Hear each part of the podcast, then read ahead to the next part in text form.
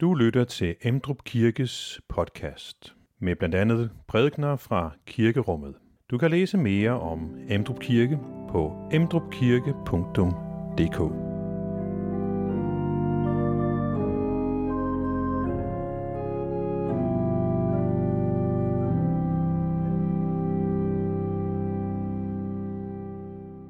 Glædelig jul alle sammen. Velkommen til gudstjeneste. Julen er fyldt med traditioner, fyldt med øhm, musik, som vi kender, tekster, som øh, vi kender. Og nogle gange, når vi kender noget rigtig godt, så kan vi, når vi hører det, bare køre på autopilot og tænke, nå ja, det har jeg hørt før, jeg ved godt, hvad der kommer nu, jeg ved godt, hvad der bliver sagt. Og så er det som om, at øh, vi skøjter hen over det. I går så udfordrede jeg til at overveje, hvad er det, der gør jul til noget særligt for hver enkelt af os. I dag vil jeg komme med en anden udfordring. Prøv i år at få fat i en ny detalje i julen. Du har hørt teksterne før. Du har hørt musikken før. Det er godt klar over. Men er der en dybde, en detalje, du skal have fat i i år og tage med dig, at i julen 2022, der fik jeg øje på det. Denne detalje. Denne betydning fik julen for mig i 2022. Hvad tager du med dig ud af julen 2022? Lad det være vores indledende tanke i dag.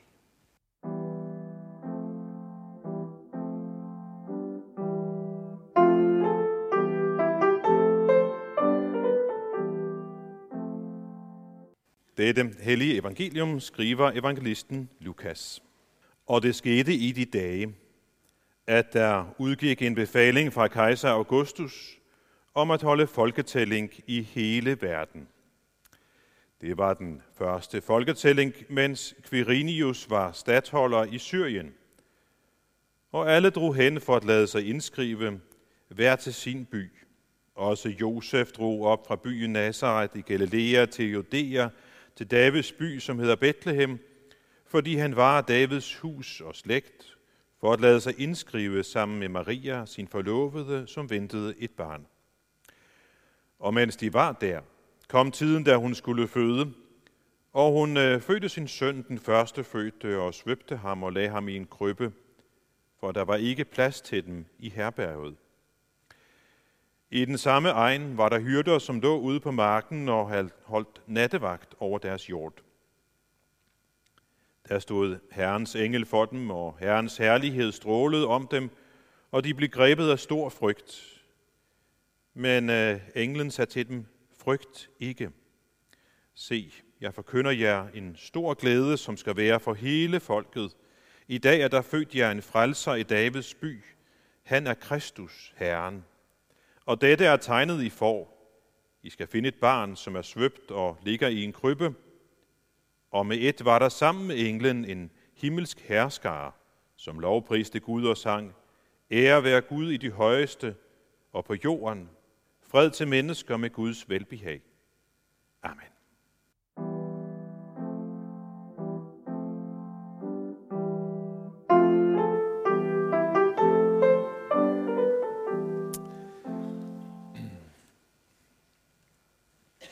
Når vi hører den her tekst fra Lukas, så kan vi øh, nogle gange fristes til at tænke, det har jeg hørt.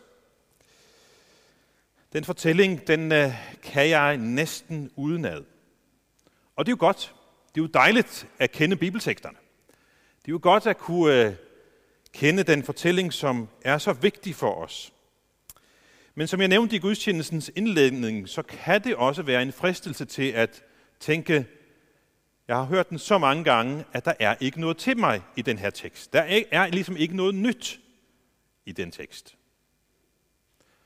Og så lader vi tankerne vandre, mens præsten står og prædiker, og vender tilbage, når vi kommer til motetten, eller noget i den stil.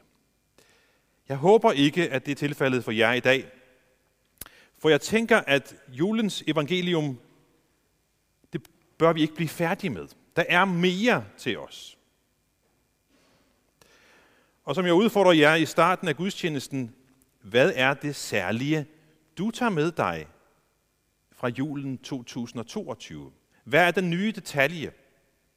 For jeg tænker, at hver gang vi dykker ned i de her skønne tekster fra Esajas og Hebræerbrevet og Lukas og Matthæus og alle de skønne juletekster, vi hører også, når vi øh, i i anden tekstrække har øh, Johannes' øh, juleevangelium i, i Johannesprologen. Hver gang vi dykker ned i det, så er der nye detaljer. Sådan oplever jeg det i hvert fald. Jeg håber jeg også, at I oplever det. At der er nye detaljer. Måske ting, som, som vi tidligere har, har godt har hørt og, og set og fået øje på. Men som vores liv går, så er der forskelligt, hvad der har betydning for os. Måske er der en detalje i julens tekster, som har fået en særlig stor betydning for dig i år. Du kendte den godt, detaljen. Men i 2022 var det netop det, jeg tog med mig. Det var det, der blev, blev vigtigt for mig. Noget af det, der er blevet vigtigt for mig i år, er, hvor stor Jesus er. Og at han lever i dag. Det er to ting. Hvor stor Jesus er, og at han lever i dag. Vi fejrer kristendommens stifter. Og øh, vi fejrer ham, som er hovedpersonen i den kristne kirke. Og den kristne kirke er ikke en lille bitte kirke. Det er en stor kirke. Den er spredt ud over hele jorden. Der er milliarder af mennesker, og hvis vi tager tidens forløb oveni, så er der mange milliarder mennesker, som har levet hele deres liv i troen på ham vi fejrer. For nogle er det helt fra begyndelsen, de er vokset op i det. For andre så, så er de kommet til tro i løbet af deres liv. Vi fejrer ham, som, som fortalte en masse udødelige historier, lignelser og, og beretninger, øh, som, som vi hører igen og igen. Øh, hvor, hvor bidder af hans øh, fortællinger og ord også har fundet vej ind til at være almindelige ordsprog og formuleringer i vores øh, talemåder, almindelige talemåder. Og forleden så læste jeg en, en uh, artikel, hvor en, en jurist fortæller, at da hun studerede jura, så blev hun imponeret over, hvor meget kristendom der er i den danske lovgivning. Hun synes, det var så fascinerende at se, hvor meget af den danske lovgivning, der egentlig er baseret på det, som Jesus har sagt. Grundtankerne, det er ham, vi fejrer. Vi fejrer ham, som, som, som øh, har sagt ord, som har båret mennesker igennem hele deres liv. Eller dele af deres liv. Vi, har, vi fejrer ham, som hvis ord også har formet menneskeliv, har, har skabt historie. Så stor er han. Og så fejrer vi samtidig også ham, som senere blev banket op på et kors, ganske uretfærdigt i menneskelig forstand, men det gav god mening. Og vi fejrer ham, som stod op fra de døde og aldrig døde igen. Og derfor fejrer vi en levende Jesus. Det har været en fornøjelse for mig både til pastorgudstjenesten og til en, en, en, nogle af de børnegudstjenester, vi har haft i, i løbet af december måned, er netop at slå på den her detalje. Jesus er levende. Vi fejrer en 2000 års fødselsdag af en levende person. Og en levende person, som også er her i blandt os i dag. Og han inviterer os til at spise sammen med ham lidt senere i gudstjenesten. Det er en detalje, jeg tager med mig fra denne jul. Den store Jesus, den levende Jesus. Og netop hvor stor og mægtig Jesus er, er noget af det, som englene også sætter ord på. Englen siger til øh, hyrderne ude på marken, han er Kristus. Han er, han er Herren.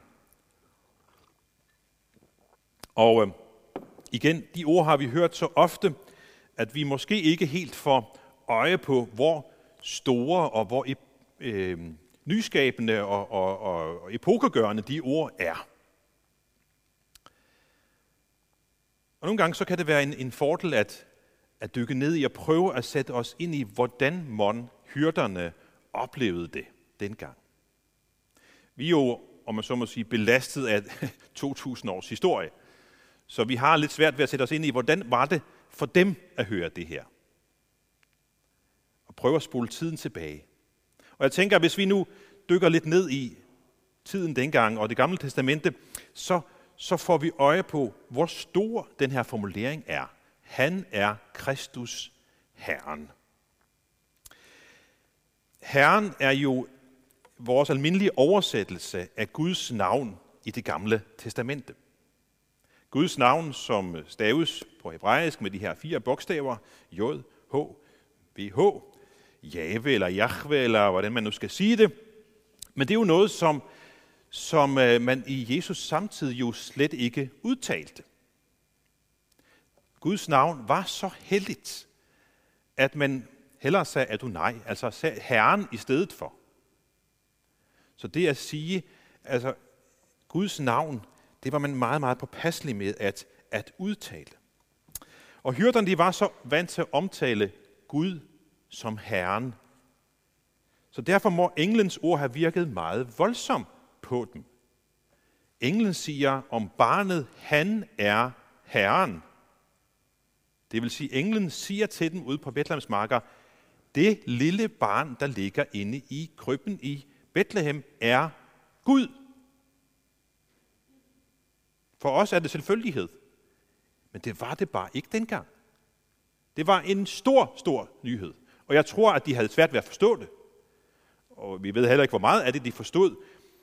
Øh, kigger vi på Jesu disciple, så går der i hvert fald en rumtid, inden de virkelig forstår ham her, Jesus, som vi følger. Det er Gud. Herren. Og når de så endelig forstår det, når det går op for dem, så går det ellers, så de ellers i gang med at proklamere det, ligesom englen på Bethlehems marker. Så når englen siger, han er Herren, han er Kristus Herren, så betyder det jo, at han siger, Jesus er Gud. Så stor er Jesus. Det er Guds evige søn, som blev født som menneske. Og det synes jeg, der er grund til at feste for. Det gør vi også. Så vi fejrer det, fordi det er sket. Vi fejrer julen, fordi hans komme, hans ord og hans handlinger, de har en stor betydning for os i dag. Så jeg tænker, at vi i dag skal få lov til at tænke, til at undres, til at prøver at forstå konsekvenserne af julens under. Og jeg tror ikke, jeg tager munden for fuld, når jeg siger, at det, som Gud gør i Bethlehem, er det største, han har gjort siden skabelsen. Gud iklæder sig vores natur. Gud og menneske bliver til et i personen Jesus. Gud konkretiserer sig i Jesus. Han får en krop, består af celler, bliver et menneske med sjæl og fornuft, en person, som vokser op under samme vilkår, som vi gør. Den fjerne Gud kommer nær. Vi kan måske sige, at den utilgængelige Gud bliver meget tilgængelig i personen Jesus. Det var det, vi netop har sunget en sang om. Igen og igen ordet Immanuel, Gud med os. Den fjerne, utilgængelige Gud kommer os uendeligt nær i Jesus. Jesus han var allerede Guds søn, inden han blev født. Det blev der ikke rokket ved. Det nye, der skete, det var, at Guds søn blev et menneske. Det er det, der er julens under. Og så spørger man, kan man spørge, jamen hvorfor? Hvorfor det? Jo, fordi han ville ind i vores tilværelse. Man kan måske bruge det billede, at, at Gud ville anlægge en, ligesom en, en bro hen over afstanden til os. Guds søn blev menneske, fordi han ville være sammen med os, og fordi han ville gøre noget for os, som han var den eneste, der kunne gøre. Så i sin søn bøjer Gud sig ned til vores verden og bliver som en af os. Guds søn går fra den himmelske position til, til vores niveau. Han går fra herligheden til, til ringheden. Og det med herlighed til ringhed, det går han til yderlighederne med, fordi han blev født i en stald. Og de første, der hørte om det, det var nogle hyrder, som var ret så ringeagtede. Men hvorfor, kan vi spørge igen. Jeg hørte øh, for nylig en, en, en podcast, hvor, hvor der var en, øh, der skulle øh, arbejde med formuleringer. Og så sagde han, der var ligesom en test, hvis du skulle lave en, en, en formulering, som du skulle have på Facebook for kirken, eller noget den stil, så skulle man have en test, der hed, og hvad så? Du kommer med budskabet, og så kan modparten sige, og hvad så? Og så prøver du, jamen, ja, og hvad så? Altså, hvad er det, det betyder for mig? Det er jo det, som modtagerorienteret kommunikation handler om. Så hvad er formålet med det her? At Gud kommer i sin søn til jorden. Og hvad så kan vi sige? Hvad betyder det? Det svarer englen på. Englen siger, at der er født jer en frelser i Davids by. Det er det enkle svar på, hvorfor Gud gør det, hvad formålet er. Der er født jer en frelser i Davids by. Og jeg tænkte, frelser, det hører vi jo igen og igen. Men lad os lige se, hvad er det, han frelser os fra? Og hvad er det, han frelser os til?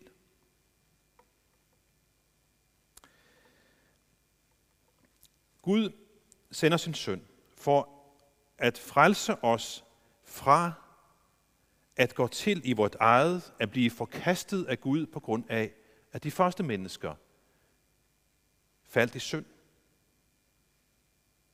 Han frelser os fra at have en retning mod fortabelsen, til at have en retning mod den evige salighed. Han frelser os fra noget og til noget. Han frelser os til det, som egentlig var tanken med vort liv, da Gud skabte os. Til at vi skal leve et liv fyldt med håb, fyldt med forventning. Fyldt med himlen som mål.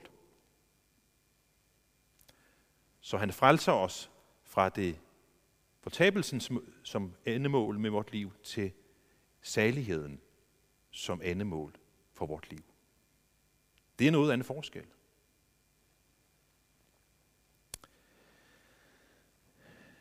Den Gud, der elsker os, går i dybden for os, går i aktion for os. Grundtvig han, han siger i en af sine kendte salmer, som hedder Den er dagen, som Herren har gjort, at påske og pinse udsprang af jul. Man kan sige, at julen rummer kimen til det hele.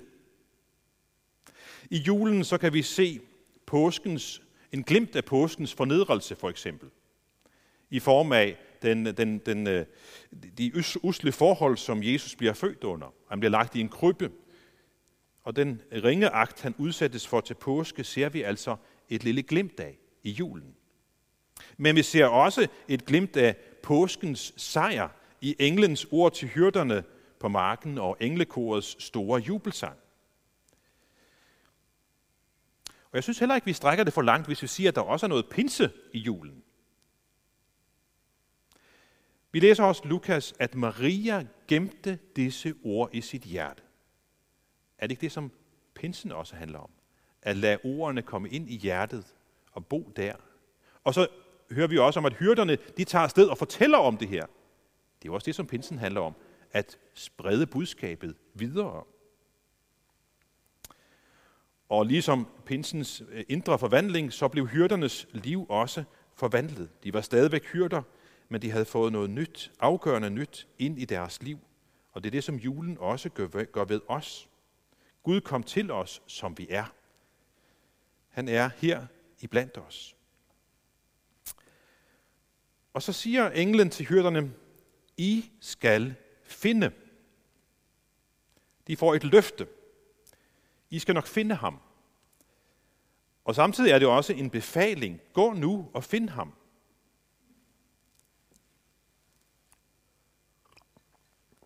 Og så siger englen, og dette er tegnet, I får. I skal finde en mand, som hænger på et kors. Nå, det var bare sådan lige øh, lidt for hurtigt. Men det er vel det tegn, som Jesus giver os. Jesus siger, han kalder det for Jonas-tegnet. Ligesom Jonas var i havdyr, havdyrets øh, mave i tre dage, inden han blev kastet op på land, sådan skal menneskesønnen dø og opstå på tredje dag. Tegnet skal vise, hvem Jesus er. Og jeg ved ærligt talt ikke, om det var lettere for hyrderne at tro, end det var for skarne, som stod ved Golgata. Det er jo et godt spørgsmål. Hyrderne får at vide, at I skal finde et barn i en krybbe. Et lille barn er Guds søn. Det er vel nok lige så ubegribeligt, som at en voksen mand er Guds søn, når han bare lader sig korsfeste og dø. Det er vel kun troen, der kan gribe det. Begribe det her ubegribelige. Det er troen, som kan se bagved tegnet og tage imod den gave, som Gud har til os.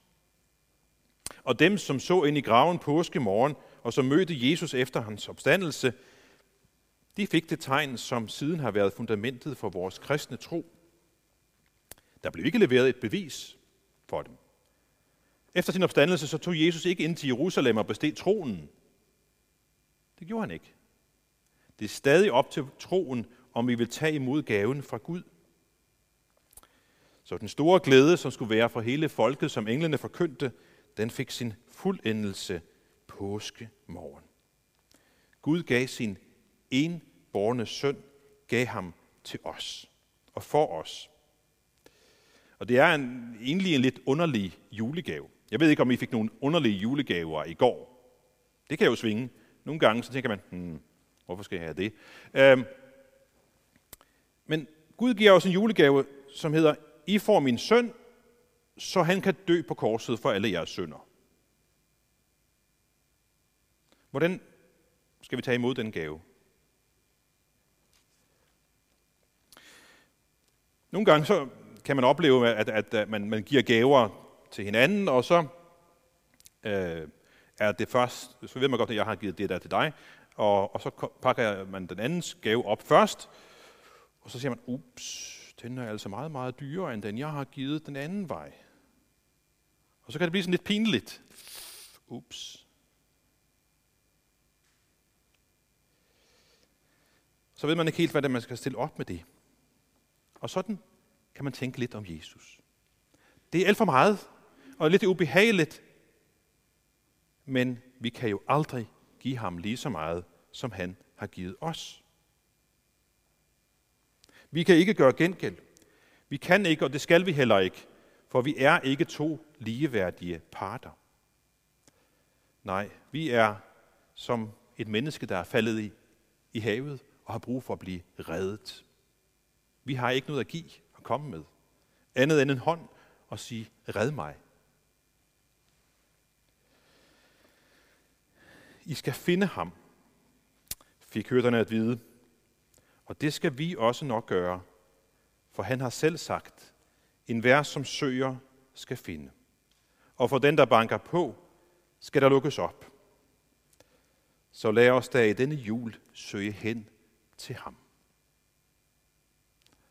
Og lad mig så slutte af med det spørgsmål, jeg egentlig startede med. Hvilken detalje tager du med fra julen 2022 videre i dit liv